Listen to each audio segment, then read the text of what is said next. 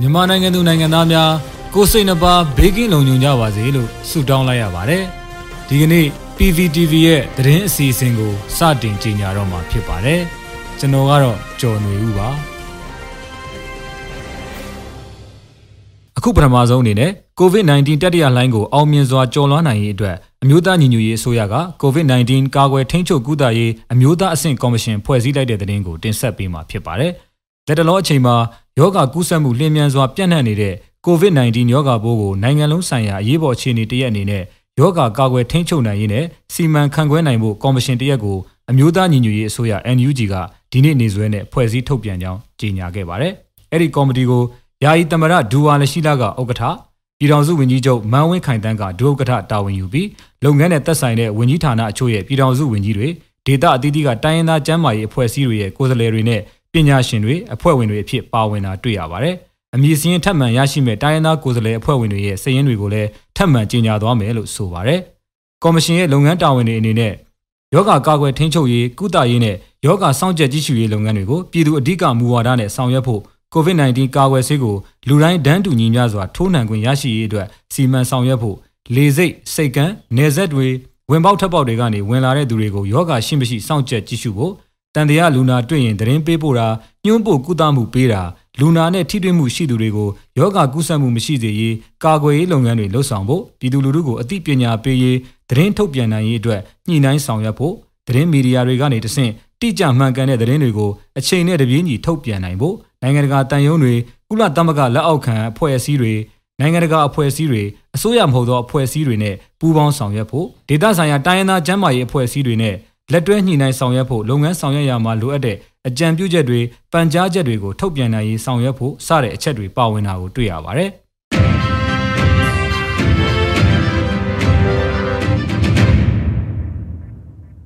ဆက်လက်ပြီးအမျိုးသားညီညွတ်ရေးအစိုးရက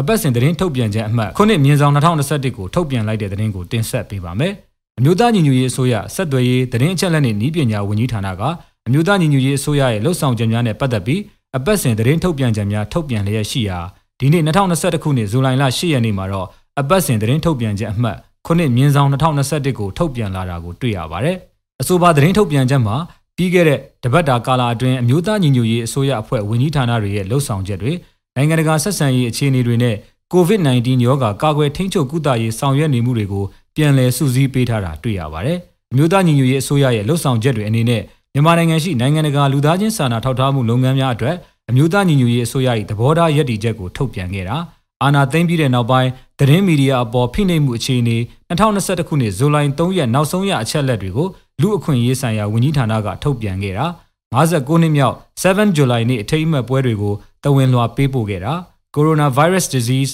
2019 COVID-19 ကာကွယ်ထိန်းချုပ်ကုသရေးအမျိုးသားအဆင့်ကော်မရှင်ကိုဖွဲ့စည်းခဲ့တာတွေပါဝင်ပြီး နိုင်ငံခြားရေးကဏ္ဍအနေနဲ့အမျိုးသားညီညွတ်ရေးအစိုးရ NUG ရဲ့ပြည်ထောင်စုဝန်ကြီးတွေနဲ့ဂျပန်လွှတ်တော်အမတ်တွေတွေ့ဆုံခဲ့တာနိုင်ငံခြားရေးဝန်ကြီးဌာနပြည်ထောင်စုဝန်ကြီးဒေါ်စင်မောင်အောင်နဲ့ပြည်ထောင်အစိုးရနိုင်ငံခြားရေးဒနတာဟာရနဲ့နိုင်ငံတကာဖွံ့ဖြိုးရေးဝန်ကြီးမစ္စတာနိုင်ဂျယ်အဒမ်စ်တို့တွေ့ဆုံဆွေးနွေးခဲ့ကြတာတွေပါဝင်တာကိုတွေ့ရပါတယ်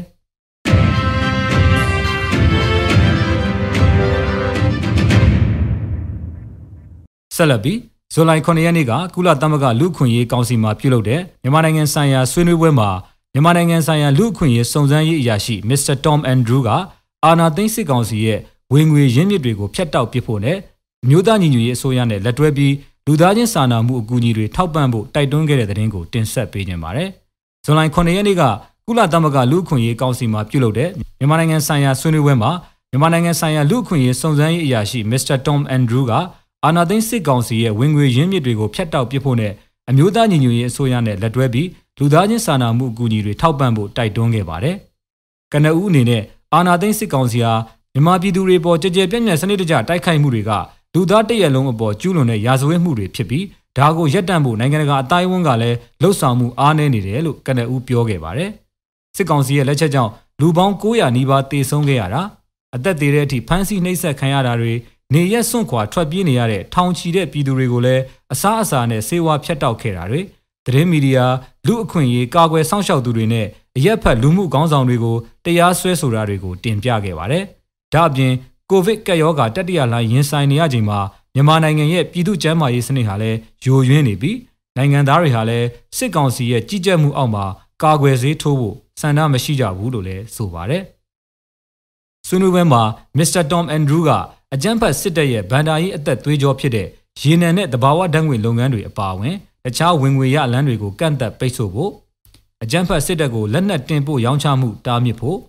အကြမ်းဖက်စစ်တပ်အကြီးအကဲတွေရဲ့ရာဇဝတ်ကျူးလွန်မှုတွေကိုအချက်အလက်စုဆောင်းပြီးတရားစွဲဆိုရေးပြင်ဆင်ဖို့အမျိုးသားညီညွတ်ရေးအစိုးရနဲ့အတူလက်တွဲပြီးလူသားချင်းစာနာမှုအထောက်အပံ့တွေကူညီဖို့နဲ့အာဏာသိမ်းစစ်ကောင်စီရဲ့တရားဝင်မှုကိုဝိုင်းဝန်းညှင်းပယ်ကြဖို့စတဲ့အချက်၅ချက်ကိုအကြံပြုခဲ့ပါတယ်။မြမအရေးကူညီဖြည့်ရှင်းတာနဲ့ပတ်သက်လို့ နိုင်ငံတကာအတိုင်းအဝန်အနေနဲ့တာဝန်ပြက်ကွက်နေတယ်လို့မစ္စတာတွမ်အန်ဒရူးကနောက်ဆုံးမှာမှတ်ချက်ပြုခဲ့ပါတယ်။